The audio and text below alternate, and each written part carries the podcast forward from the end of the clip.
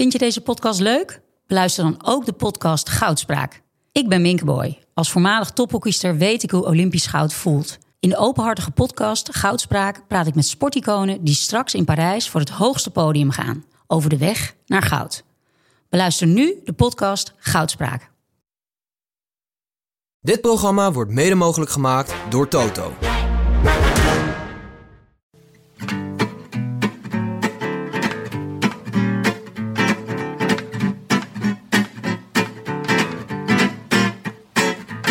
È maggio 2018 e cominciano le settimane più belle dell'anno, quelle del Giro d'Italia. Live, direttamente dal nostro divano ad Amsterdam West, gustando vino e formaggi, state ascoltando The Road de il podcast sul ciclismo di Hattie Scores. Godetevelo! Het was de dag waar menig wielerliefhebber al maanden naar uitkeek. Want wat zou ze dragen? Zou haar zieke vader wel aanwezig kunnen zijn om haar weg te geven? Hoe zouden de bruidsjonkertjes en de bruidsmeisjes zich houden op zo'n spannende dag? Na het koninklijke jaarwoord in Westminster Abbey spoedde de newlywed zich per koets naar Eurosport voor de finale van dat andere evenement. De Monte Zoncolan, die rossige prins van een berg, maar dan wel naar gebruik van een heleboel cafeïne shampoo. Daar zou het losgaan tussen de favorieten. Het duel Yates en Dumoulin tot een hoogtepunt komen. Dat duel kwam er zeker, maar met de derde hond in het kegelspel, dank Herman Brusselmans, hadden maar weinig mensen meer rekening gehouden. Terug van weg geweest, rustig aan met de pufjeschapjes, maar God save the Queen, Chris Froome.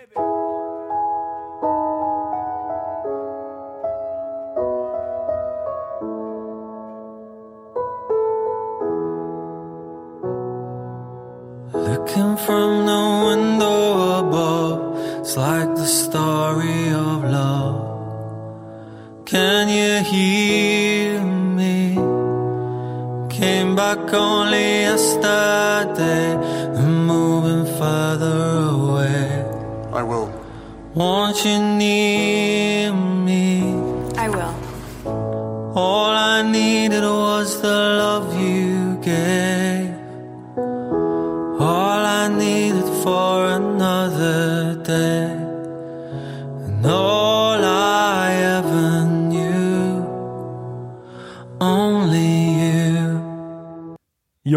we zijn weer met z'n tweeën vandaag. Ja, samen in de kast. Ouderwets. Tim is, eh, ja precies, terug in de kast. Hopen dat ik er ooit weer uitkom.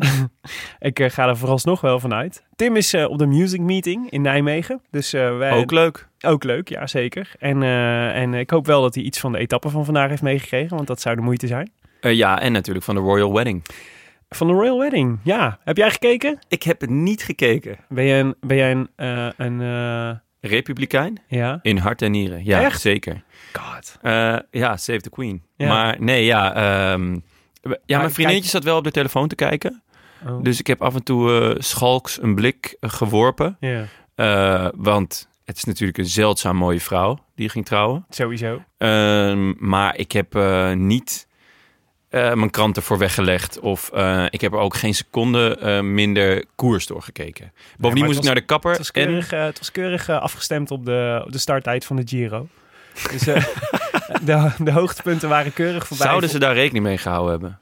Nou, Zou Prins eh, Ha- Harry een... eh, een eh, Ik moet zeggen dat ik er wel blij mee was toen ik het, toen ik het schema zag van vandaag. Ik had Jij hebt wel even- gekeken, merk ik? Ik had gedacht dat er wel even wat overlap zou zitten. Nou ja, ik heb wel gekeken, ja. Ook al omdat ik echt... Nee, nee, ik vond het serieus wel leuk. Ik ben, Ja? ik ben wel monarchist, hoor. Ja? Ja, ik hou wel van... Nee, ja, dus... nog- Willem-Alexander is gewoon wel je boy. Nee, nee, niet per se. Maar het is dit soort sprookjesverhalen is toch mooi. Ik, vind, dat- ik hou daar heel erg van. Dus Ja, dat ik- is toch is een beetje toch hetzelfde. Het lijkt best wel een beetje op wielrennen. Met de, de, de karakters en de slechterik en de, de, de goeie en zo. En, de, en, Ik- de, en, de, en de, de, het drama en de, de Mm. romantiek. Ja, nee, ik vind, daarvoor vind ik het te het veel een gouden kooi. Ik, ik, ik had even een korte discussie met mijn vriendinnetje van... zou je dit moeten willen als vrouw zijnde? Want het is een soort keus die je maakt om dus in zo'n gouden kooi te gaan zitten. Maar ook voor je kinderen, het lijkt me verschrikkelijk. Ja, Die jongens me- hebben toch ook een verschrikkelijke jeugd gehad? Ja, ja, dus, ja, volgens mij is het altijd van twee kanten, toch? Ik bedoel, er zal vast vervelende kanten aan zitten. Maar het is er ook, het is er ook alweer super vet. Jij had, Alsof er, een, jij had er wel willen staan, Als wij er als ik, Prins aan Harry alles. hadden uitgezien, hadden we echt niet met Meghan Markle kunnen trouwen. Zo Nee, is dat het ook, wel jongen. waar. Daar heb jij wel weer een punt. Ja, maar goed. Nee, maar nee, ik heb keurig met, de hele, met het hele gezin, eh, met mijn eigen royal family heb ik Ja? zitten kijken. With Ja. tea and cookies? Eh, ja, met scones. er werden scones gebakken. Dit meen je toch niet? Ja. Willem, je bent een wandelend cliché. Ik kom hier, eh, ik kom hier eh, ruiterlijk voor uit. Ja, Mijn, eh, je komt mijn- hier voor uit de kast. Ik, zei, ik, ik, ik vond het serieus echt een mooi, eh, mooi evenement. Maar het was ook, het was namelijk niet een cliché eh, Royal Wedding. Het was een soort mooie samenkomst van black culture en, en een soort die witte aristocratische Britse cultuur. En dat was wel echt interessant. Oké, Het was leuk. eh, was lekker. Ja, ik merk dat je ervan geniet. ja, ik heb er van genoten. Ja. Het, was een, het was een mooie dag op televisie. Sowieso. Want daarna werden we natuurlijk ook weer verwend. Zo. Maar misschien moeten we eerst eventjes terug naar eerder deze week.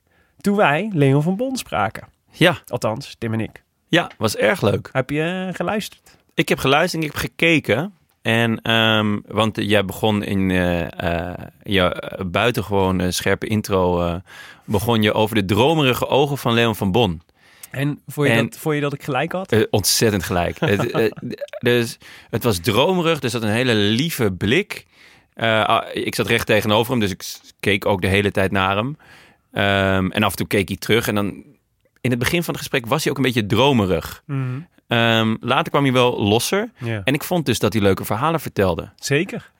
Ik vond het leukste eigenlijk dat hij, dat hij vertelde over zijn eerste toeroverwinning. Ja. En eh, dat iedereen ehm, in de kopgroep kreeg, kreeg ze allemaal water. Behalve Lelly.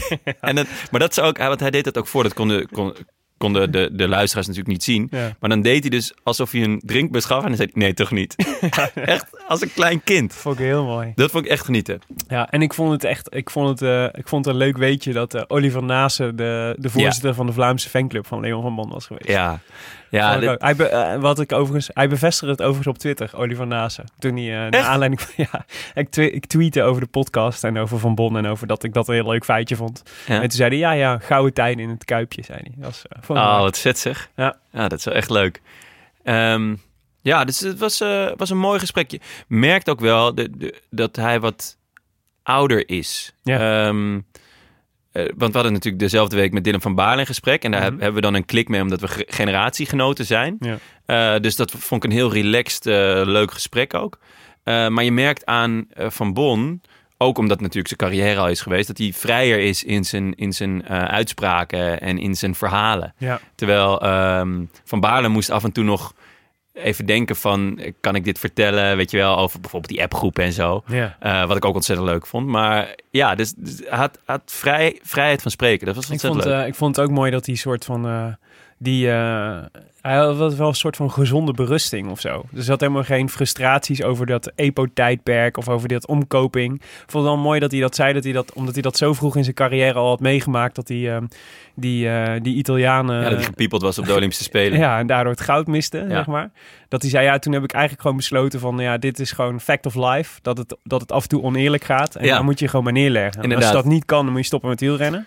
En het lijkt wel, dat is- ik vind dat toch wel eh, een soort eh, mentale weerbaarheid die me wel heel erg aanstond. Ik vond het heel knap Ja. om inderdaad geen wrok daarover te koesteren. En eh, Nee. dat- En gewoon ook wel je eigen koers te blijven varen altijd. Ja. ja, de- er zat een soort relaxedheid in hem die heel prettig was. Ja. Eh, Ja, dromerig eigenlijk ook wel. Ja. Maar ja, maar heb je, ja, want jullie, ik, zag, ik zag dat jullie, jij en Tim, de, de koers nog hadden teruggekeken. Het Ja, we wereldkampioenschap. hadden een kleine, kleine ja. na, naborrel gedaan met Ja. z'n tweeën. Ja, ja, dat was wel. En dat ja, nee, ik heb dus die de laatste vijf kilometer. Ik had hetzelfde filmpje ook nog even gekeken. Ja, Ja, hij had wel gelijk. Had Ja. het was gewoon eh, wat een totale chaos die koers was. En hij had inderdaad echt al wel eh, een jasje uitgedaan. ja en hij eh, sprintte niet lang daarna de Vuelta tegen hem. En toen won hij met een centimeter verschil. Dus Ja. het was ook niet dat hij... Nee, Brochard Per- was geen eh koekenbakker. Nee, daarom. Het was niet dat hij per definitie deze sprint had moeten winnen. Maar ja, Ja, Brochard, hè. ja, ja. Festina. Ja, ja, al. ja, tuurlijk. Anywho, we hebben Yes. wat rectificaties. Nee, dat meen je niet. Hoe Ja. kan dat nou weer? Ja, nou ja, omdat we wederom een aantal Het dingen houdt niet op. hebben gezegd. Niet vanzelf. En die Centergoeds, eh Santegoeds. Santegoeds. Santegoeds. Familie van, zeker Santegoeds, Die, ehm, die wees ons op, ehm, eh, op eh, de, dat we een aantal streken door elkaar hadden gehaald. Wij hadden namelijk gezegd, we, ik had namelijk gezegd dat de Giro deze week door Toscane zou gaan. Om daar als Mich- Michele Scarponi te eren onder meer. Ja. Maar ja, Toscane ligt natuurlijk in een eh, iets ander deel van Italië. Dus eh, de Giro gaat niet door Toscane, wel door Umbrië. En mijn repliek Ook zou mooi. zijn, Umbrië is toch eigenlijk een soort gezegde van Toscane. maar goed, feitelijk had hij natuurlijk een punt. Ja. En ehm, het tweede was dat we ehm, ehm, volgens mij ook al meerdere keren hebben we het gehad over de etappe naar Imola. Ehm, het, op het Ferrari-circuit, die, eh, die etappe waar het zo zeikende nat was, weet je wel. Die, eh, Oh ja, ja, ja. Wat een heerlijke etappe was ja. dat. Waar, je al dan altijd, waar ik echt van hou trouwens, is dat een van mijn favoriete wielerbeelden is altijd als het zo hard regent en de- het licht van de koplampen van de auto schijnt op de weg. Dat je Ja. een soort van strijklicht over de weg krijgt Ja, waar de ja. wielrenners overheen gaan. Dat heeft echt iets magisch. Milaan San Remo heeft dat af en toe als het regent. Daar kan ik echt van genieten. Ja. Maar en de- Tim Wellens die dan gelijk aanvalt. Zeker, ja. Kun je de dat- klok op gelijk zetten. ja, dat hoort er ook al bij. Maar ehm, eh, dat is dus, Imola is dus niet het Ferrari-circuit. Want het Ferrari-circuit is eigenlijk Maranello. Dat is het Ferrari-testcircuit. Maar om het ingewikkeld te maken, heet het circuit van Imola wel officieel de Autodromo Enzo Idino Ferrari.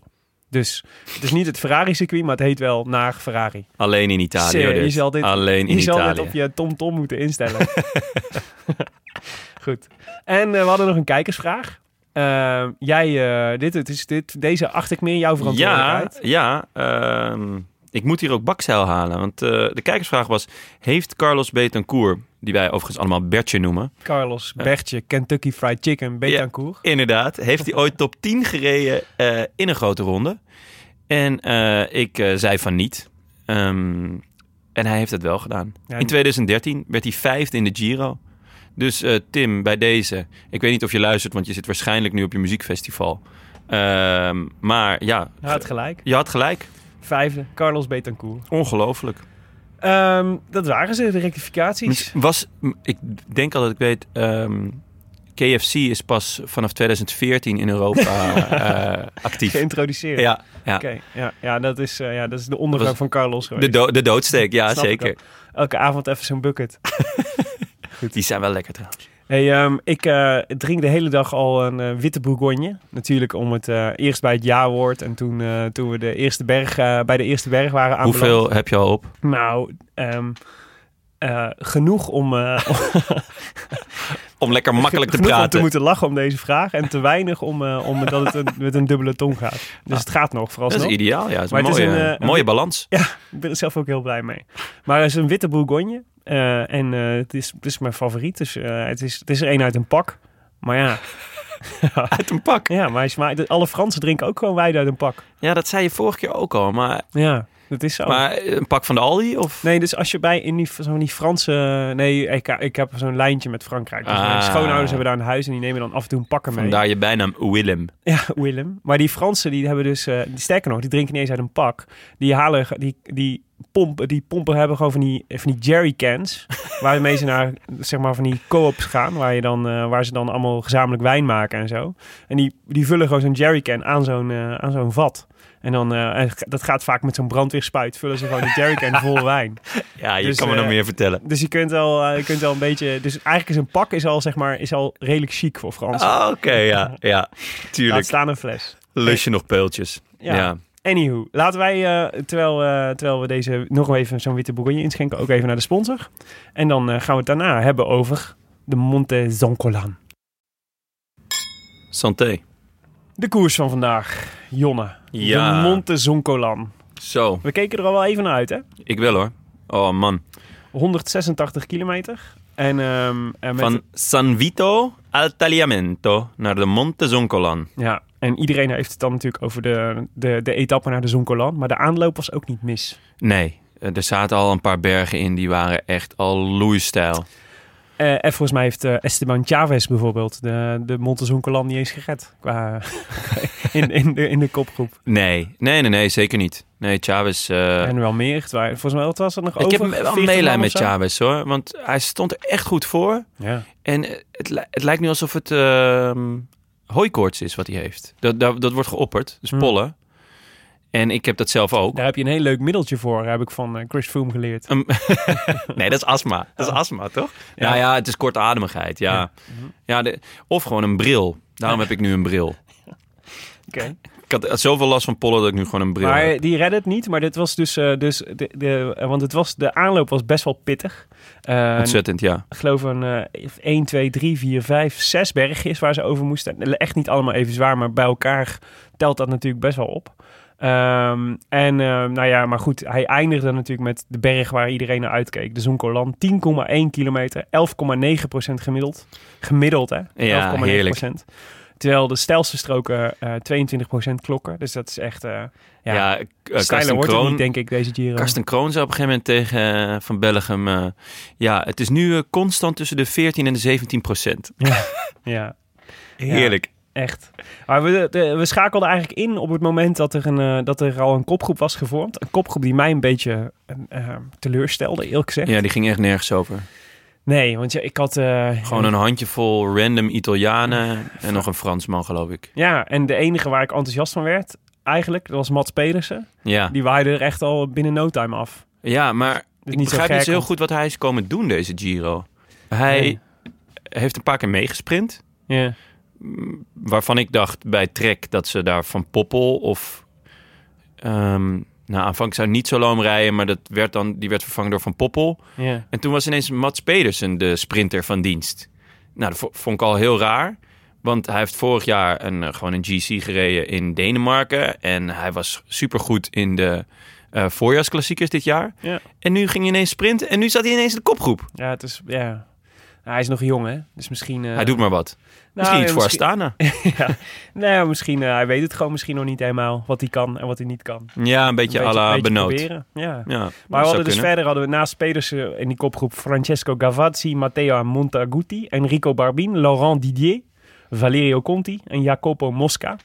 Ja, Ja, ja, ja. Maximaal zes minuten kregen ze. Eh, ja, wel echt een vraag van waar... waar ehm, eh, dit- we hadden eigenlijk hele andere rittenkapers verwacht, toch? Ik had wel een zwaardere kopgroep verwacht. ja ik... eh, Geesink. Geesink, Pantano. Ja. ehm, En wat andere klimmers die toch al... eh, Ja, op achterstand staan. Eh, nou ja, ik had zelf mijntjes voorspeld. Ehm, ja, die jongen staat, staat eh, op zoveel minuten. Ga lekker mee in die kopgroep. Ja, maar het is toch vreemd, want ik had toch het gevoel, en ik heb ook ehm, toch vrij veel interviews en zo gezien met, met veel van die aanvallers, die bijna allemaal toch zeiden, van die Zonkerlan hebben we wel opgeschreven als een van de, van de, van de kansen. Ja, want de, het parcours leent zich er eigenlijk perfect voor. Ja. Eh, wat, wat derde categorie, een tweede categorie. En ja, dan, dan kan je lekker wegrijden. En Ja. met een beetje mazzel, eh, of met een beetje mazzel, vaak heeft het peloton geen zin om zo vroeg al te gaan koersen. Ja. Dus ja, dan heb je een vrijgeleide van eh vijf, zes, zeven minuten, acht misschien. Ja. En dan heb je een goede kans op de, op de Zonkolan. Want, want hij is niet heel lang, hè, de Zonkolan. Hij is maar 10 kilometer. Ja, viel me ook mee. Ja, dus ja, precies. Hij is wel super stijl, dus je kan natuurlijk wel veel tijd nog terugpakken als peloton zijnde. Maar ehm, hij is maar 10 kilometer. Dus als je daar met een lekkere voorsprong aan begint, ja, Ja.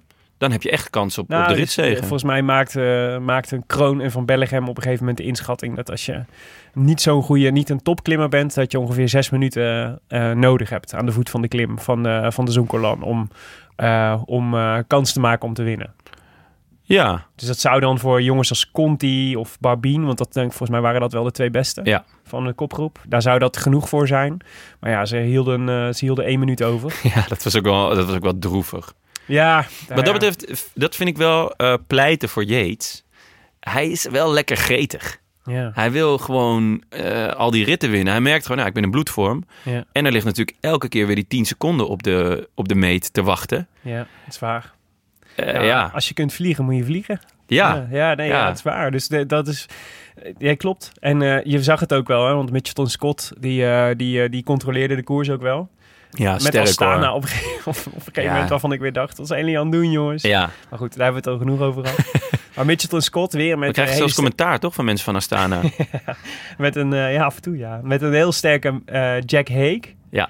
Eh, wederom, die eh, ook echt een fantastische Giro leidt. Echt indrukwekkend. En ehm, nou ja, dus die, de- en zodat we eigenlijk bij de Zonkolan, eh, zo- dat je, je voelt de spanning toenemen hè, op alles. Dus, dus ehm, de, de, mensen worden wat nerveuzer in de, in de, en je gaat kijken waar iedereen gepositioneerd zit en dat Ja. soort dingen. En, eh, en ja, ze, ze, ze, ze reden er wel een straf tempo op af. Dus er was nog maar een minuut over voor Conti en Barbin. Ehm, en eh, eh, toen we zo- aan de Zonkolan begonnen. En ehm, nou ja, wat gebeurde daar? Eigenlijk, en ja, ja, eigenlijk Nou, ook best wel lang. Het eh, opvallendste was, was een beetje aan het begin van de Zonkolan. mhm. Toen iemand toch heel groot op het wegdek Karsten Klepdicht had geschreven. ja, ja, Wou ik toch even benoemen. vond ook, eh, ja, Ja. En daardoor, daarna ontstond natuurlijk weer zo'n heel ongemakkelijk moment tussen Kroon en Van Bellegem. En dit zijn net de spontane dingen waar zij totaal niet mee weten om te gaan. Nee, totaal niet. Terwijl Kroon wel echt genieten vindt. En Van Bellegem is goed in het herkennen, maar niet goed in het voeren van een gesprek. Dus hier, ja, er ontstond echt een soort ongemakkelijke situatie die wel echt heel fijn is. Dat is het leuke aan live televisie natuurlijk. Ja, ja je, er valt niet echt aan te ontsnappen. nee, nee, ze soort. ehm, ik, op een gegeven moment was ook ging, ging, ehm, had Van Bellegem ook een veel te ingewikkelde quizvraag over, over wie de snelste etappe ooit had gewonnen. En daar was Kroon ook helemaal niet. Was, die was ook helemaal niet over te spreken dat, dat, dat de quizvraag was. Terwijl ik dacht, doe gewoon lekker leng mee, man. Dus Kroon is ook niet per se de makkelijkste, lijkt me, om naast te zitten. Ook al heeft hij dat hij heel veel leuke verhalen heeft. Nou ja, er is, het, er is gewoon een chronisch gebrek aan chemie daar bij Eurosport. Ja. Want ik zit ook, eh, stem ik af en toe af op de ronde van eh, Californië. Wie En- doet die? Ja, José Been. Dat Oh, is ja. natuurlijk verschrikkelijk. Überhaupt al, qua stemgeluid. Alsof je een rasp over een gong haalt. maar dan zit er nog iemand naast. Ja, ik, heb, ik weet niet eens wie het is, maar hij mompelt maar wat. Oké. En eh, Daar heb ik nog weinig van gezien in eh, van de Ronde van Californië. Egan Bernal is Ja, echt dat heb ik gehoord. belachelijk goed. Ja. Echt belachelijk goed. Daar, daar ga, ik, eh, als Froome het niet zo goed had gedaan vandaag, had ik misschien wel bedacht dat ze hem naar de Tour gingen sturen. En dan niet zomaar als knecht. Oké. Maar goed, dat eh, Ja, terzijde. misschien steunen ze hem, sturen ze hem wel mee. We weten nog niet hoe het met Froome gaat aflopen. Nee, klopt. klopt. Maar ehm, eh, Terug naar de Zonkolan. ja, de Igor Anton. Ja, Igor Anton eh, die won in 2011 hè, op de Zoncolan. En die dacht, ik ga dit nu nog een keer proberen. Ja, even dan gelijk een moeilijke quizvraag. Wie haalde eh, Igor Anton toen in op de Zonkolan? Ja, die weet ik wel. Wie reed er tot vijf kilometer op kop Nee, op de Zonkolan? Sterker nog, tot drie kilometer. Echt? Tot drie kilometer zelfs? Ja, ah, je weet ja. hem echt. Ja, nee, ja, hij twitterde er zelf over namelijk. Ah, Bram Tankink. eh, ja. Ja, ik heb overigens die, als ik, als ik dat als niet op Twitter had gezien, had ik dit nooit geraden. Want ik had nooit, ik had Bram Tankink en de Zonkolan, zeg maar, niet met el- per se heel erg sterk met elkaar geassocieerd tot dus. Nee, daar zit ook weinig chemie tussen, zou je zeggen. Ja, maar ja, toch, als je tot zover Ja, omhoog kan. eh. Leuk hoor. want hij zat dus, eh, god, met wie zat hij nou in de kopgroep? Weet je dat ook nog? Nee, geen idee. Ja, het was best wel een sterke kopgroep nog, waar hij uit, eh, waar die van overbleef als enige. Ja. Dus het was niet een, nee, geen idee. dat is knap. Zou die, als het, al is het maar een seconde of vijf seconden, echt gedacht hebben aan de winst? Ja, Nee, goed. Misschien dat we het een keer kunnen vragen. Zou leuk zijn. Ja. Volgens mij is het wel leuk om in de podcast te hebben. Ja, want ja, ja nee, oh, zeker. Ja. Nou, hij gaat stoppen, dus we, kunnen, eh, we moeten sowieso een keer met een terugblik op zijn hele carrière. Ja, toch? zou leuk zijn. Ja. Nee, maar de, ja, Igor Anton lukte het dus niet. Die werd snel ingelopen. Eh, ja, en toen, eh, hij was er ineens, Wout Poels. Hij Ja, had hem al een paar keer eh, zijn neus Alsof tegen het de Tour was. drukken. Maar ja, maar, en, maar hij was natuurlijk zwak begonnen aan... is, we hebben hem in ehm, de Waalse Pijl en in eh Luik, Bastenaken, Luik zagen we hem dat hij het niveau... En Amstel Gold Race, dat hij het niveau echt nog niet had. En ehm, hij voorspelde toen zelf van, nou ja, weet je, ik ga naar de Giro en, eh, en dan ben ik, de derde week ben ik goed. Want dan kan ik de Giro gebruiken om, om, om in vorm te komen en koershardheid op te doen. En verdomd, hij doet het gewoon, hè? ja hij was echt, echt indrukwekkend. Ik denk Hij als keek een paar keer ook achterom van Froome. eh waar blijf je? Ja, ik moet, dus dat is, en zo in de Tour ook al wel. Zo heeft hij ook al wel eens een paar keer gedaan. Mijn associatie is daar altijd mee, is altijd ehm, Froome en Wiggins. Tuurlijk. Ze, dat, hij is gewoon, hij is eh, natuurlijk, het is- het is wat anders om drie weken achter elkaar sterk te zijn en in tijdritten sterk te zijn en in een algemeen klassement sterk te zijn. Maar het gebeurt zo vaak dat Froome in het wiel van Poels zit en dat ik denk, Poels is gewoon beter. Ja, maar dat, daar wil ik wel de kanttekening bij dat Poels het de eerste week altijd laat lopen. En het, het scheelt wel of je een koers, eh, zeg maar, een laatste week piekt of drie weken piekt. Maar nee, Ja. het klopt. Hij is, hij is eh, bergop gewoon super sterk. Vandaag was, dacht ik echt van, ga gewoon. Maar dat was ook omdat eh Froome aan het begin van de, eh van de Zonkolan een beetje achteraan reed. Dus ik dacht, nou, die is gewoon weer niet goed. En toen ging Poelsen op kop rijden. En toen dacht ik, ja, ga, ga gewoon. Ga gewoon voor je ritoverwinning. Of ga voor je klassement. Of ga, doe iets. Maar, vertel me, ja, hij ging gewoon. hij bleek gewoon wel goed. Ja, hij was. eh, nee, ja, dit was natuurlijk een verrassing voor bijna iedereen, volgens mij. Maar ehm, ja, dus, dus ja, de, goed dat Poels vooraan ging rijden en, en tempo ging maken. Dat gaf natuurlijk al wel een soort van signaal van hij is, hij is iets van plan en hij wil iets. Ja, En, eh, en eh, op 4,5 kilometer voor de finish was Poels, ging van kop af en daar ging hij, Froome. En ehm, het leek eventjes of dat er wat mensen konden volgen, maar, niet, eh, maar eh, ja, vervolgens niet meer. Nee, het was ouderwets eigenlijk. Ja, Hij, hij, hij doet het in de Tour natuurlijk ook. Maar in de Tour is, is gewoon een minder zware koers. Dat heeft Ja. hij denk ik inmiddels ook wel door. Ehm, maar hij deed het ook wel van, nou, ruim. Weet je wel, 4,5 kilometer. ja, ja. Zeg van jongens, Ja, ik, eh, jullie kunnen me meer vertellen. Ik heb tijd nodig. Ik ga er gewoon voor. ja. nee, Want- dat is. Want wat Tim vorige keer zei over Yates. Van waarom gaat hij niet eerder? Ja, Ja, eh, Froome deed het gewoon vandaag. ja. Froome deed het. En ehm, eh, ja, nee, zeker. En, en dat was knap. Wat ik, wat ik echt verneukeratief aan zo'n berg als de Zoncolan vind, is dat het, ehm, eh, het blijft allemaal zo dicht bij elkaar. Ja, en je Dus- ziet elkaar hè? Ja, constant. Dus het is een soort van, ja, het is, het is punt, hier een renner, daar een renner, daar een renner. En die, die verschillen die lopen maar heel zachtjes op. Dus Ja. het is zo stijl ook dat het metertje bijna... per metertje. Ja, het is, het is al bijna. Dus dat, het is ook iedere keer zeggen ze ook van. Het is eigenlijk zo'n steile berg dat je verwacht dat er enorme verschillen ontstaan, omdat het gewoon, omdat het heel onderscheidend terrein is. En tegelijk is het zo steil Het is te stijl. dat niemand echt een, echt Ja. een groot verschil kan Eh, maken. Woods was daar een mooi voorbeeld van. Ja. Het was schattig hoe die, denk ik, anderhalve kilometer, misschien wel twee, Ja, voor het 15 peloton voor het reed. Maar inderdaad echt 15 meter. ja, En ja, ik, ik heb wel een zwak voor Woods. ja. Eh, dus ik vond het, ik vond het wel Dat genieten. maakt, dat maakt dit dan toch uiteindelijk. Is dat toch, het is toch wel interessant. Want als, jij raakt daar dan toch kennelijk aan een soort van de grens van het menselijke kunnen. ja, Dus, dus als, je, als je top bent en een topklimmer, zeg maar, dan slaag je er eigenlijk niet in om hier heel veel verschil te maken. En, eh, en dus eigenlijk zou je kunnen zeggen, ik bedoel, hij wordt altijd groot geafficheerd als daar gaat de grote strijd plaatsvinden. Maar eigenlijk is een berg die net iets minder stijl is. Of, eh, of net iets eh, en, en, net, en je, misschien net iets langer is. Eigenlijk veel onderscheidender dan zo eentje. Want het is hier, het, is, het werd eigenlijk van tevoren al gezegd. we Gewoon gaan te zwaar. Te zwaar, ja. ja. Nou, Ja. Dat, dat zou goed kunnen. Ja. Ja. Maar ja, we hem alsjeblieft volgend jaar weer opnemen. Ja, wat mij betreft wel. Want het is wel echt een prachtig Ja, weet je... Ook al die ik- gasten die allemaal dus hun materiaal hadden aangepast. Omdat ze, omdat ze dachten, eh, ja, we moeten wel eh, klein genoeg kunnen steken voor, eh, Ja. voor deze koers. Allemaal alle cassetten erop gelegd. Super vet. Ja, ik had onverwacht full house vandaag bij mij thuis. Dus alle wielerliefhebbers kwamen ineens uit alle hoeken en gaten. Ja, En het was een beetje onverwacht. Het was niet, niet echt een planning.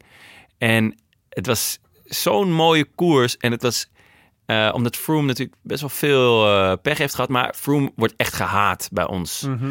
Omdat het zo'n saaie skybot is en weet ik wat. Maar nu zelfs de grootste Froome-hater Ja. echt op de bank van... Come on, Froome. Want ja. ook natuurlijk vanwege die bonies weer. Eh, ik, ja. ook wel fijn dat hij die bonies wegpakt voor, voor Yates. ja. En natuurlijk staan we het meest op de banken voor Dumoulin. ja. Nou, maar het was is? Echt smullen vandaag. Froome is ook wel, volgens mij, die, die kon echt hoog nodig wat menselijkheid gebruiken. En, eh, en eh, nou, zeggen, die salbutamol case is natuurlijk niet echt wat hem per se sympathieker maakt. maar wel dat je voelt, dat moet zo heel veel weerslag hebben op zo'n jongen. En dat hij dan valt in de, in de proloog. En, en dat wij in de vorige aflevering eigenlijk zijn, eh, zijn opgave al, al hadden voorspeld. Van, Ja, hij, weet je, absoluut. hij gaat gewoon stoppen. En dat je dan zeg maar de, de, de mentale veerkracht hebt om op zo'n zonkolan eh er vandoor te gaan. je, je pools op kop te zetten en te zeggen, ja, ik ga het doen. Ik ga rijden en het waar te maken. Ja, heel vet. Het maakt hem ook, eh, het is zeg maar de, de resurrection is natuurlijk super interessant Ja. eigenlijk. Dat heeft hij al... eh, En eh, in het interview na afloop, over menselijk gesproken, hij Ja. straalde echt. Ja. Iemand zei van, het lijkt wel een puppy. ja, Zo blij was hij. Zijn ogen eh, straalden echt. ja, dat snap ik. Maar goed, volgens, de, volgens eh, waar wij op de Montezon Colan zitten, heeft hij nog niet gewonnen. Want hij reed, Oh ja, nee, eh, klopt. hij reed, we zitten 4,5 kilometer. Ehm, nou ja, aan de achterkant eh, stond de deur open. Hè? Dus jouw mijntjes vlogen eraf. Aru nou, vloog mijntjes eraf. vlogen niet af. Mijntjes heeft hij niet eens. Nee, aangezeten. dat is waar. Aru wel, dat, maar die was echt die was dus zo, prachtig drama aan het maken. Aru. Op een gegeven moment, als hij nog lelijker werd, dan ontplofte die. Ja, het echt, was ja. echt niet om aan te gluren. Nou ja, dus zelfs als Steven van Bellegem al de vergelijking met Veuclair gaat maken, dan, eh, dan, dan, eh, dan is er iets mis met je act. Ja, dan doe je echt iets niet goed. Hij, hij was ook aan het zigzaggen. En die, Ja. die kinderbakkers helemaal tot op Ja, maar dat is wel- dus de- stang. Dus dat is dus wel. Dus als je, wat je volgens mij, eh, als je zoals Aru ehm, niet de vorm hebt die je nodig hebt om de Giro te winnen, dan is het dus wel echt een hele, hele nare berg. Want dan Ja, heb je dus dan, niet de eh, macht om, om, Dan verlies je. om mee te Nee, komen. dan, eh, En dan is het dus echt vechten om, om überhaupt omhoog te dan komen. zit je gewoon 10 kilometer lang helemaal in het rood. Ja, Een beetje zoals ik altijd een berg op ga. ja, precies. Maar de, ehm, nou ja, wie, wie zagen we wel nog vooraan? Ehm, Lopez zat erbij. Simon Yates leek echt ogenschijnlijk heel makkelijk mee te, mee te rijden. Pozzo Vivo. Dr. Potso. Ja, en ehm eh, Dumoulin eigenlijk constant op het, nou ja, eh, bijna rekker. op het elastiek. Ja. En, eh, en iedere keer als je dacht van hij gaat breken, dan, dan reed hij er eigenlijk weer vrij makkelijk terug naartoe. Dus ik was, na, nadat dat vier keer was gebeurd, dacht ik, je rijdt gewoon je eigen tempo en dat is keurig en dat is goed. En toen op een gegeven moment moest hij een, toen nam de camera mijn beeld, en toen zag hij er eigenlijk nog best wel fris uit. Dus ik dacht, nou, dit, ziet er, dit is goed. Carapaz moest, er, eh, moest eraf. Mm, Ja, die moest eraf. Ja, ja, ja. Ja, Eh, dat was Bij wel... Dumoulin zat eigenlijk alleen nog Pinot in het wiel. Ja, Pinot was de enige nog... Bilbao was weg. De- Dennis moest vroeg lossen. Ja. Ehm, nou ja, Woods na die aanval dus ook eh, d- eraf gewaaid. Ja, maar je ziet dan dus... en Bennett, ja, mechanische pech hè? ja, zonde. Hij Echt was zonde, wel want goed geholpen door... eh, Hij heeft uiteindelijk Carapaz nog ingehaald. Ja, ik zou wel willen zien wat, de wat de klimtijd van eh, George Bennett is. Ja, op, ben ik eh, ook heel benieuwd Zoncolan. Want ik denk eerlijk gezegd dat hij... ehm, hij is natuurlijk ook een renner die dit aan zou moeten kunnen. Eh, maar hij had, dus- het schijnt dus aan het begin van de Zoncolan... schijnt hij mechanische pech te hebben gehad. En schijnt Geesink schijnt hem nog te hebben kunnen helpen. Oh, echt? Dus dat is wel... Nice. ehm, ja, want het probleem is met de Zoncolan... Want hij wordt uiteindelijk twaalfde. Nou, dat is dus super knap als je mechanisch pech hebt. Ja. Maar het probleem natuurlijk op de Zoncolan is dat er geen auto's mee rijden. Dus je hebt geen volgauto's die, eh, die reservefietsen en reservewielen hebben. Nee, dat was een mooi shot hè. Ja, Dus al die, allemaal Al die motoren, met rijden. allemaal één fiets. Ja, ja, dat was echt vet. is een fiets achterop.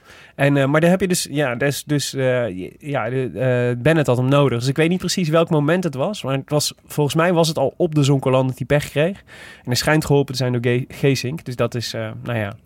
Ehm, eh, maar de, de knap, dus we moeten even opzoeken wat voor klimtijd hij had. Maar de eh, drie kilometer voor het einde, eh, we zagen hem even kijken en poef, eh, ging er vandoor.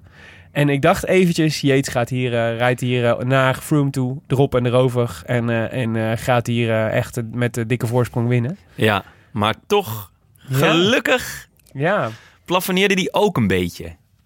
Nou ja, een beetje. Ik vond eigenlijk, eh, nee ja, hij hield, het, hij, hij, hield zijn, eh, hij hield het vol, maar hij kwam er gewoon niet bij. Nee, hij Dus kwam was- er sowieso niet bij. Maar het was heel erg zo van, oké, hoeveel gaat hij pakken op eh Ah, Dumoulin? ik denk dat hij zichzelf, eerlijk gezegd, een klein beetje overschatte. Dus Ja? ik vond wel een inschattingsfout eigenlijk. Want het was, het was ehm, dus hij ging op drie kilometer. En dus duidelijk met de gedachte, ik ga Froome achterhalen. En ik ga tijd winnen op, eh, op eh, Dumoulin. Ehm, eh, maar hij kwam eigenlijk in een soort, eh, nou, soort semi-chas patat terecht, zeg maar, achter, eh, achter, eh, achter Froome. Want hij was, ik denk dat hij gehoopt had, ik kom erbij. Ik denk zelfs dat hij gehoopt had dat hij... Kijk je wel door een heel erg Nee. roze Dumoulin bril, Nee, maar hoor. ik, ik denk zelfs dat hij gehoopt had. Ik rij naar, en dat was mijn, mijn nachtmerrie scenario. Hij gaat naar Froome toe rijden. Ze rijden samen, rijden ze omhoog. Froome gaat, en ze gaan kop over kop.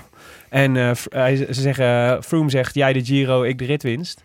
En, eh, Ja, en we zo, ja. slopen Dumoulin samen. Ja, En dat we- zou echt ellende zijn geweest. Ja, en, ehm, en dus hoe raar weer van Froome dat hij hem op afstand hield. Want dat was knap. Ja. Maar ik denk dat, hem, ik denk dat dat ook wel veel scheelde. Het gaat ontzettend. Ik denk dat het ook ontzettend veel scheelt. En het gaat waarschijnlijk ook wel veel schelen.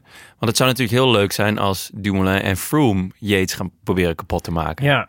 Dat zou, ja, dat zou natuurlijk ideaal zijn als er daar wat, eh, wat plannetjes kunnen worden gesmeed. Nou ja, die, die, dus eh, Froome staat nu... eh, dat, nou, laten we heel even de, af, de etappe Ja, aflopen. maken Dus af. Yates kwam, kwam dichtbij bij Froome.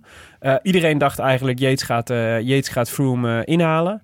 Maar wonder boven wonder bleef Froome vooruit. 9 seconden werd 6 seconden, werd 5 seconden, werd weer 7 seconden, werd weer 9 seconden, werd weer 6 Ja, seconden. dat is prachtig. Ze gingen door tunnels eh, eh, van 150 meter waarvan je dacht, ik weet niet wie er hier als eerste uit Nee, gaat komen. ja, dat was echt heerlijk. En dat bleek toch Froome te zijn. En Froome Ja, bleek dat nog Froome een... er eh, dan uitkwam. Dat iedereen stond te juichen. nou, Dat- dat is ook de eerste keer voor ja, Froome. dat is echt voor het eerst. Ja, nou, leuk voor hem. En, eh, en, ja, genieten. en, en Froome bleek toch nog een soort van extra versnelling te hebben. En won op de Zoncolan. Simon Yates werd tweede op zes seconden. En dan toen was het natuurlijk het wachten op, op Tom Dumoulin. En we hadden van tevoren, ehm, was eigenlijk een soort... eh, nou, dat was eigenlijk een soort de, de gemeenschappelijke mening was... ehm, Tom moet proberen om niet meer dan een halve minuut te verliezen op, eh, op Yates. Dan heeft hij het goed gedaan. Nou, en het werd... 31 seconden. Ja, like clockwork. Ja, ja, ja, zeker. Dus de- ja, dat was gewoon een goede prestatie van Dumoulin. Hij reed op het einde bovendien de Pinot, die de hele, de hele Zoncolan in zijn wiel had gezeten, ook nog even uit Ja, die heeft wat oude beelden van eh Leipheimer erbij gepakt, volgens mij. Hoezo? Gewoon lekker plakken. Oh ja, ja, precies. En ehm, eh, ja, maar ja, het moest uiteindelijk toch, eh, toch lossen. Dus Froome 1, Yates 2, Pozzo Vivo eh 3, Lo- Miguel Angel Lopez 4, Dumoulin 5. Ehm, en Poels wordt gewoon nog zevende, hè? Ja, Ondanks zijn, ondanks zijn zijn, harde zijn werk. beulswerk. Ja, Ja, was- indrukwekkend. Ja, was heel goed. Ehm, ja, verder eh, de, ehm, wat, de uitslagen die opvielen. Nou ja, Sam Omer wordt keurig vijftiende. Weer gewoon goed gedaan. Wederom voor Aru, die zeventiende wordt. Ehm zaten overigens eh, zes seconden uit elkaar, dus zoveel scheelde het niet. Maar toch, knap van Nee, Sam. ja. ja, zeker goed gereden. Ja. Eh, Carapaz hadden we misschien wel iets meer van verwacht. Die, eh, Ja, het raar is, de- en dat gebeurt me niet vaak, ik kende hem niet voor deze Giro. mhm. Eh, ja, ik, eh, in principe als er iets fietst, dan kijk ik het. Ja. En ja, dan weet ik ook wel wie er rijden. En deze Carapaz is voor mij echt uit het niks gekomen. Richie had jou, jouw radar nog niet bereikt. Nee, en ehm, want ik, ja, ik heb ook een lijstje met talenten en zo die ik allemaal bijhoud. En, eh, maar deze man stond er gewoon niet op. Dus ik vind eigenlijk alles wat hij doet, vind ik wonderbaarlijk. maar ja, dat ligt dan vooral aan mij. Ja. Dus ik, ik, ik zat een beetje ook te wachten tot hij er doorheen ging zakken. Ja. En, maar ik vind ook niet dat hij er vandaag echt doorheen nee, is gezakt. Nee, als je dertiende wordt op twee minuten. ja, dan, dan, eh, doe je het dan gewoon heel netjes. Chicone hadden denk ik ook veel mensen opgeschreven als eh, potentiële winnaar. Die, eh, die kleine Italiaan. Ja, Die eh, van Bardiani, die wordt twintigste. leuke renner. Zeker. Maar goed, dus ja. Wat is de conclusie, Jonne, Ja, van deze etappe? Froome is back. Ja, ja dat is dan sowieso Dat is, één. dat is mijn conclusie. Ja, Froome is back, want hij staat op drie minuutjes. Ja, Froome komt dus binnen op, eh, in de top 10. Terug in de top 10. En, eh, en meteen in de top 5 zelfs. Hij wordt, staat nu vijfde op 3 minuten 10 van, eh, van Simon Yates. En dus op 1,46. Zeg ik dat goed? Ja, 1,46 van Dumoulin. Ehm, dus dat is nog wel een afstandje. Maar Zeker. wel zodanig dat hij weer een rol speelt. Ja, en er komt voor hem natuurlijk gewoon een lekkere tijdrit aan. Ja. Eh, Waar hij hij zegt, Dumoulin niet zal pakken. Maar, maar eh, Yates wel. En dan, Pozzo Vivo en Yates wel zou moeten kunnen, wel zou moeten kunnen Ja. eh, en dan moet hij toch ook gewoon weer daarna in de aanval. Maar je hebt vandaag gezien, hij kan het dus wel. Hij kan gewoon Ja. aanvallen. En hij kan gewoon tijd pakken. Ja, en dit is natuurlijk zelfvertrouwen hè, wat je hiermee kweekt. Zeker, zeker. Het is zo natuurlijk heel fijn om hiermee... we mo- we moeten even zien hoe het morgen... Morgen is natuurlijk ook een zware rit. Ja. Ik moet even kijken hoe die dit verteert. Dat Ja. natuurlijk voor al die jongens. Maar, Dat werd trouwens wel eh, ook bij eh, mij in de, in de woonkamer geopperd. Eh, ook wel weer met een rood, wit, blauw, roze bril op natuurlijk. Ja. Maar dat Yates morgen misschien wel eens gaat, de tol gaat betalen voor de inspanning van vandaag. Dus wat, wat Ja. jij net met een rood, wit, blauw, roze bril een chasse patat noemde... ja, is natuurlijk wel een flinke inspanning geweest voor hem. zeker. Tom heeft zijn, heeft zijn eigen tempo gereden. Zijn, En zal dat ook altijd doen. Dat is gewoon zijn manier. Dat vind ik super knap. Eh, en daarin ja, verspeelt hij denk ik ook minimaal aan energie. Ja. Want dit is gewoon wat hij kan. Punt. Ja, ja. En Yates, ja, toch eh, heeft lekker lopen springveren. Ja, dit was wel, dit was het, dat is, de klopt ja. Dit was wel de poging van Yates eigenlijk om echt verschil te maken op Dumoulin. En eigenlijk is dat dus zijn missie was, hè, dus als je zou zeggen, ehm 30 seconden was eigenlijk het, eh, was wat dan zou Dumoulin het goed gedaan hebben. Dan moet je dus eigenlijk constateren, voor Yates is het eigenlijk net niet goed genoeg. Ja en nee. Want als je naar de rest van het parcours kijkt... Ja. Ik bedoel, die, die, die tijdrit is echt in het voordeel van Dumoulin. Ja. Maar de rest van het parcours... Kijk, het is niet zoals vorig jaar dat de tijdrit op de laatste dag is. Nee. En dat hij daar... Nee, de tijdrit is dinsdag. En, eh, En er komt nog wat daarna. daarna komt er Ja. echt nog wel wat aan. Ja. En dat wordt ook vet, want ehm, laten we wel wezen, als stel Dumoulin pakt dinsdag het roze. Mhm. Die kans is best reëel. Eh, als roze zijnde, als, als leider zijn, heb je gewoon ook wel eh, meer moraal. Weet Ja. je wel, voorop rijden in die roze trui. Eh, ja, dat, Ja, dat is wat. Dat, ja, en daarom denk ik wel dat het in het voordeel is van Dumoulin dat dit keer die tijdrit wat vroeger is. Maar deze Giro is echt anders dan de vorige Giro. Ik denk niet dat Tom heel veel slechter is. Sterker nog, ik denk dat hij even goed, misschien zelfs wel beter is. Maar het parcours, Ja. het parcours is echt meer voor klimmers dan voor tijdrijders dit jaar. Ja. Hij zegt zelf, hij zei zelf na afloop dat hij, ehm, ehm, dat hij eh, betere benen had dan in de eerste week. Maar nog niet de benen had om echt overschot te hebben op een klim als deze. En eh, ja, we, ik- je moet als, als je dit... Ja, dus eigenlijk, mijn, ik blijf eh, van... Volgens mij moeten we daar nu even naartoe. Ja, Wie denk jij dat de Giro wint? ja, ja, ja. Ik, eh, ik zeg Yates. Ja, ik zeg dus nog steeds Dumoulin. En ik moet... eh, ik, ik, ehm, ehm, laat ik zeggen, ik heb begrip voor, jou, voor jouw keuze. Voor mijn situatie. Ja, maar, maar laat ik zo zeggen, eigenlijk ehm Dumoulin heeft nog niet zoveel fout gedaan. En er is nog niet zoveel mis... Dat zeggen, het scenario eh, waar, waarvan we van tevoren zouden zeggen... dit is de manier waarop Dumoulin de Giro kan winnen. Realistisch scenario. Dat is dit, feitelijk, wat zich nu ontvouwt. En, ehm, eh, want ik, vind, ik had het niet reëel gevonden... als hij na de ritten van de afgelopen tijd... op eh, drie minuten voorsprong had gestaan. Nee, totaal niet. Ehm, misschien niet op Yates. Eh, hè, die Yates was niet mijn, eh, mijn eh, grote favoriet voor deze Giro. Ja, Froome, was denk ik, eh, Froome was denk ik een, eh, een, reëlere kandidaat geweest. Maar, ehm, eh, maar eigenlijk moet je zeggen dat bij voor Dumoulin tot dusver alles volgens plan gaat. Absoluut. Maar eh, dan nog is het parcours Ja, misschien gewoon wel too much voor hem. ja. Gewoon te, te ja stijl. dat, zouden we, dat zouden we uiteindelijk in Rome kunnen concluderen. Ja, dat het zo is. Dat er te veel van die, van die aankomstjes op een muur zijn. Of Ja. een, een laatst venijnig klimmetje. eh, Maar laten we dan, oké, dus eh, Ja. zij zegt Simon Yates, maar eh, even dus nog, eh, want de, de andere benadering is natuurlijk die van eh, risicocalculatie. Oh. Vind ik een heel moeilijk woord hoor. voor de zaterdagavond. Richting de, richting, de, richting de verzekeringsbranche gaan we nu. waar zit het, waar denk je dat de grootste risico's zitten? Is, is de kans groter dat Simon Yates er nog een keer doorheen zakt? Of is de kans groter dat Dumoulin er nog een keer doorheen zakt? Eh, de kans groot dat Simon Yates er nog een keer doorheen zakt. Dus mijn eh, voorspelling is ook eh, eentje met een, een groter risico. Ja. Ehm, want Yates heeft nog nooit laten zien dat hij drie weken goed kan zijn. Sterker nog, hij heeft nog nooit laten zien dat hij een week goed kan zijn, behalve nu. Ehm, maar het is echt, echt een Giro die hem ligt. Ehm, als springveer zijnde. Ja. Hij heeft een supersterke ploeg. Sterker dan Sunweb, denk ik. Ja. Ehm, Hij- en, ja, en hij, hij heeft ook het moraal momenteel. Die aanval vandaag. klopt. Hij zit zo lang te kijken. Hij kijkt om zich heen. Hij, Ja, het lijkt hem heel gemakkelijk af te gaan dan. ja, en zwaar. ik zie hem niet ehm, eh, echt nog zo- zo'n eh, jour sans hebben. Ja. Eh, dat hij er echt gewoon helemaal doorheen gaat zakken. Want dat is een beetje eh, wat het dan ook gelijk is. Hè? Als, Ja. als hij dan, eh, een beetje zoals bij Chavez, van oké, als het misgaat, dan gaat het ook echt mis. En dan verliest hij een half uur, weet je wel. Ja. ja, ik denk het dus wel. en ik denk dat we morgen moeten opletten op Yates. Ja? Ja, ik, ik, ik vind die. Ik zat de hele tijd al. Ik zit de hele tijd al te denken. Iedereen leeft zo naar die Zoncolan toe.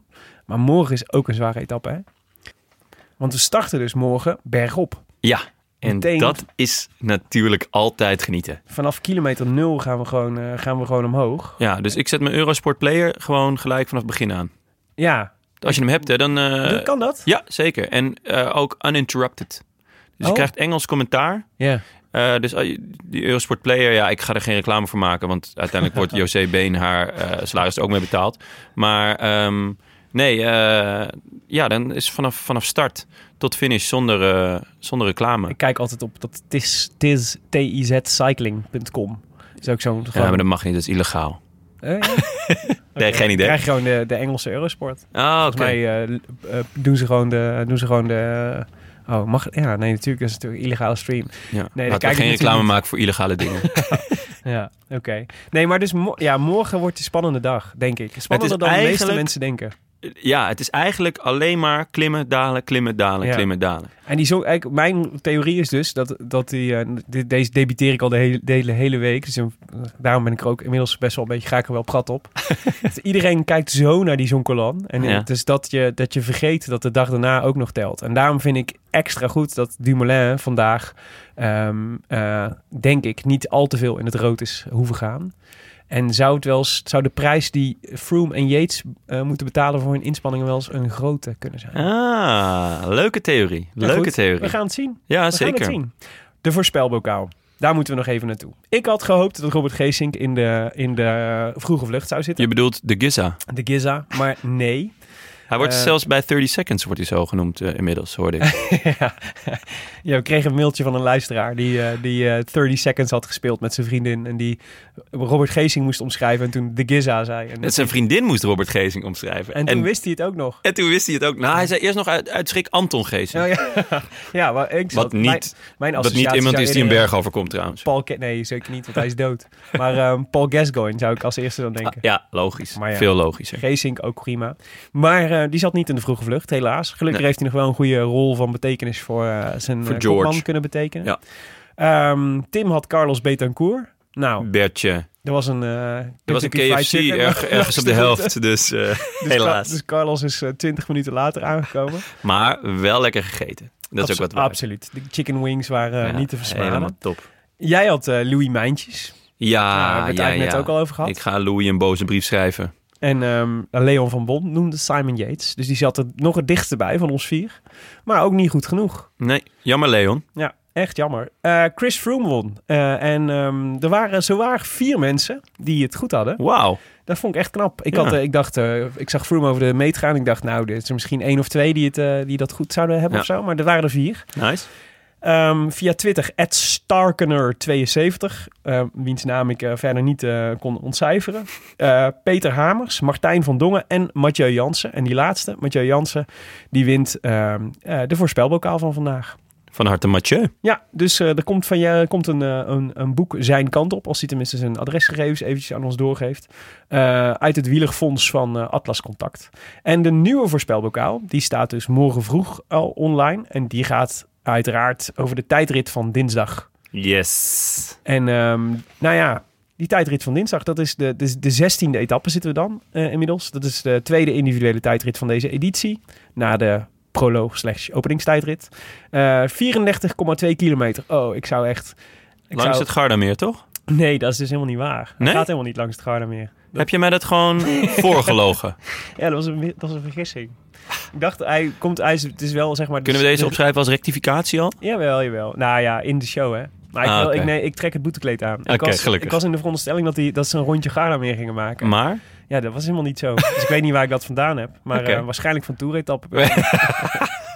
maar ehm, het is dus, het is, nee, het, het gaat wel, het is wel een beetje die regio, maar het is gewoon eh, volgens mij door een soort van industrieel gebied. Dus dit lijkt me ook echt een Louis saaie tijdrit om, eh, om eh, zeg maar de omgeving te bekijken. Ik ga, er, ik ga er lekker voor zitten. Ja, maar het is 34,2 kilometer. Maar ik zou, en de laatste 10 kilometer is een beetje bergop of een beetje heuvelachtig. Ja. Ja, het is niet, het is- mag het woord berg niet Ik hebben eigenlijk. zeggen, want het het is, is- het is 500 meter glooit. à 6 procent.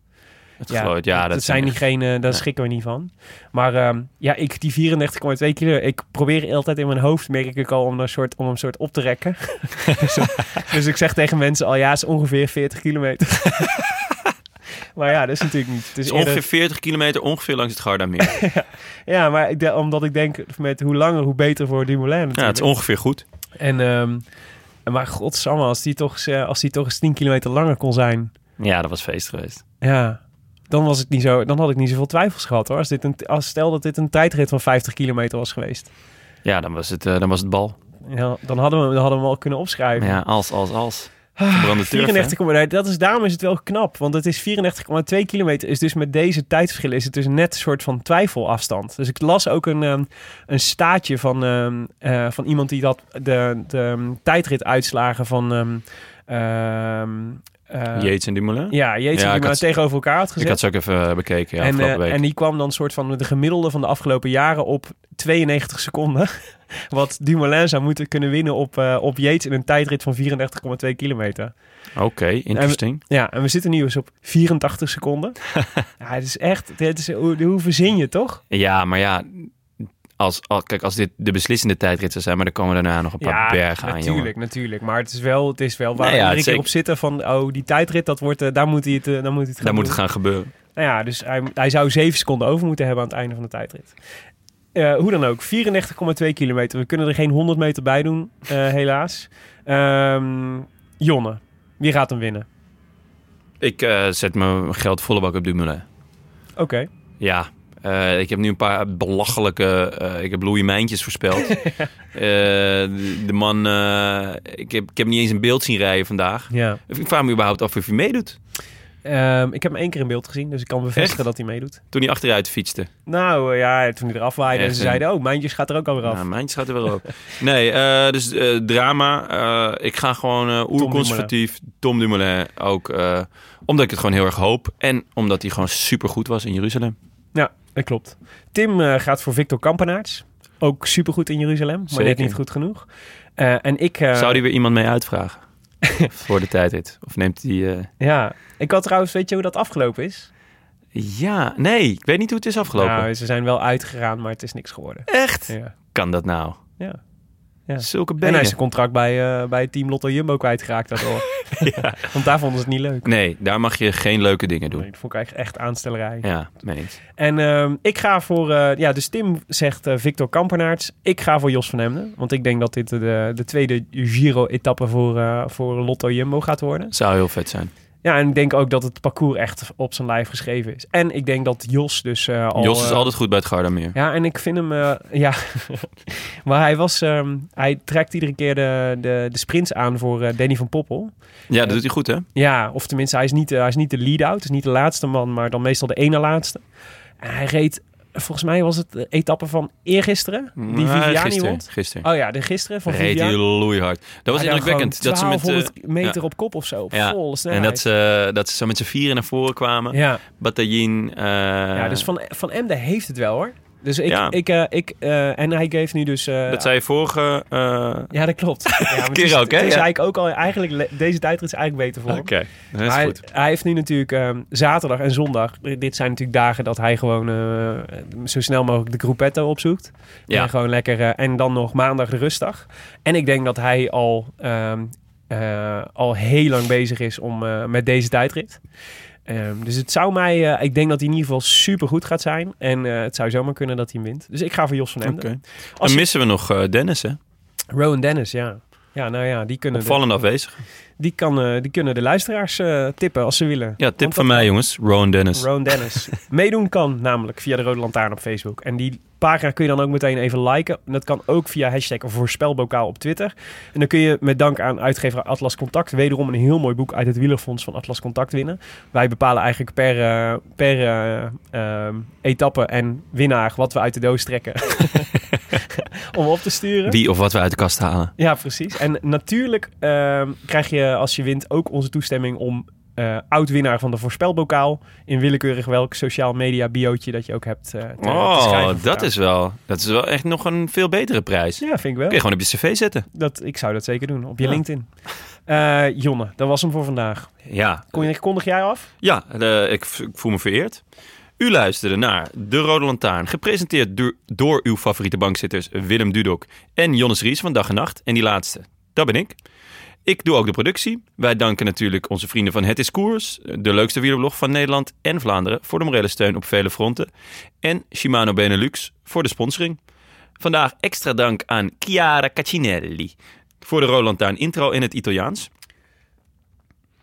Wil je reageren op eh, deze uitzending? Via Twitter zijn we te bereiken via Willem Dudok, Tim de Gier, oh, hoewel Tim erg druk is momenteel, en Ton Garçon, eh, waarbij de eerste O een 0 is op Twitter.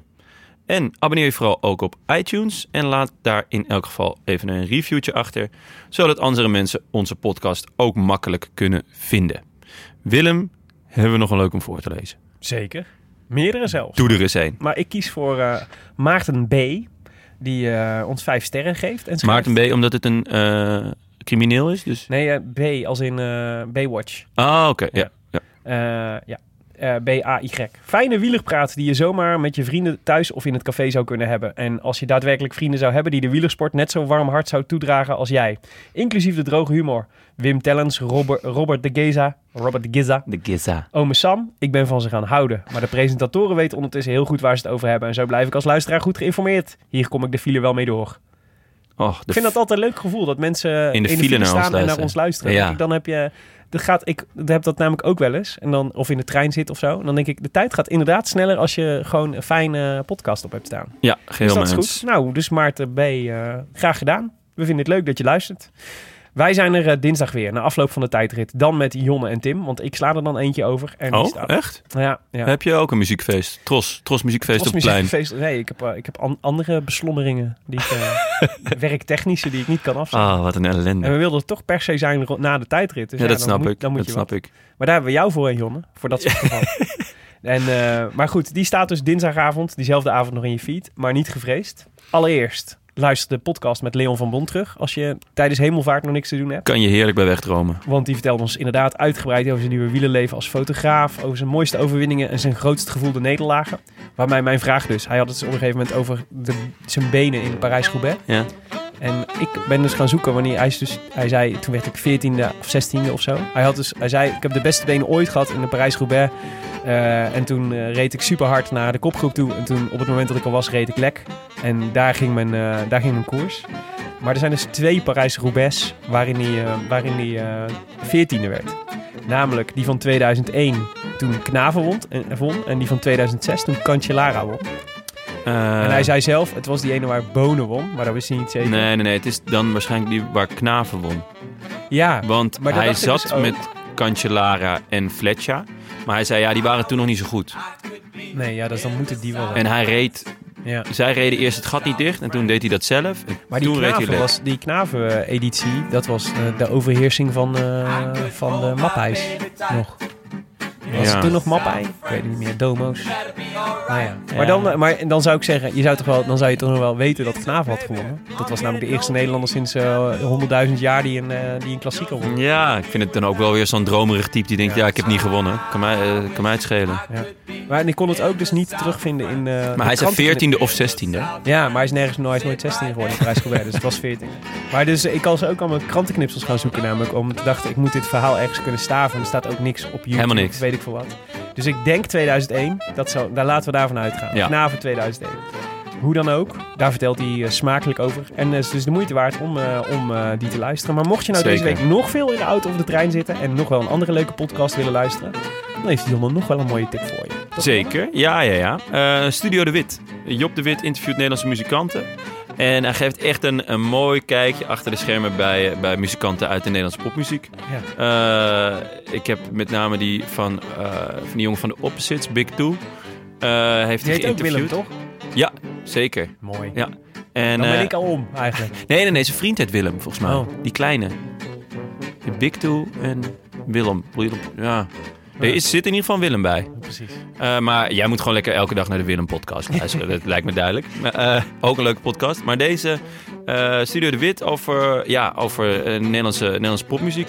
Over hoe het is om Lowlands eh, compleet kapot te spelen. Maar ook het maakproces van een plaat. Ja, Ja, dus er die ook met- een met, ah, ik zag, ik, want jij tipte hem. Ja. En dat ik had wel ge- Cubus zit er, zat er ook tussen. ja, Cubus, die met één been in de techno. Ja. Dus dat is altijd... Die ga ik luisteren. Die ja. ik, daar was ik altijd wel fan van. Zeker, ja. Die met de Zwolse Boys. Nou, nu tof. die laatste plaat ook weer gemaakt. Die echt gek is. Studio de Wit. Studio de Wit, aanraden. Ja, ehm, op Studio de Wit en ook op de Rode Lantaarn. Overigens kun je je abonneren op iTunes of willekeurig welke andere podcast app. En eh, daar ben je dan straks toch om een recensie te schrijven voor deze Rode Lantaarn. Want dat zouden we echt heel erg leuk vinden. En dan zo kunnen we wel weer een paar nieuwe gebruiken. Eh, en wie weet lezen we je dan de volgende keer eh, voor. Mooi weekend. Morgen wordt nog een spannende dag. Dan hebben we even rustdag. Dinsdag de tijdrit. Ciao. Ciao.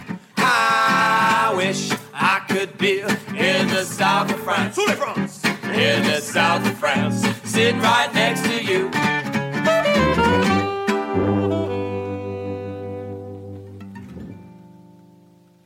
Luister nu naar de Mondkapjesmiljonairs. Een serie over de grootste mondkapjesschandalen van Europa.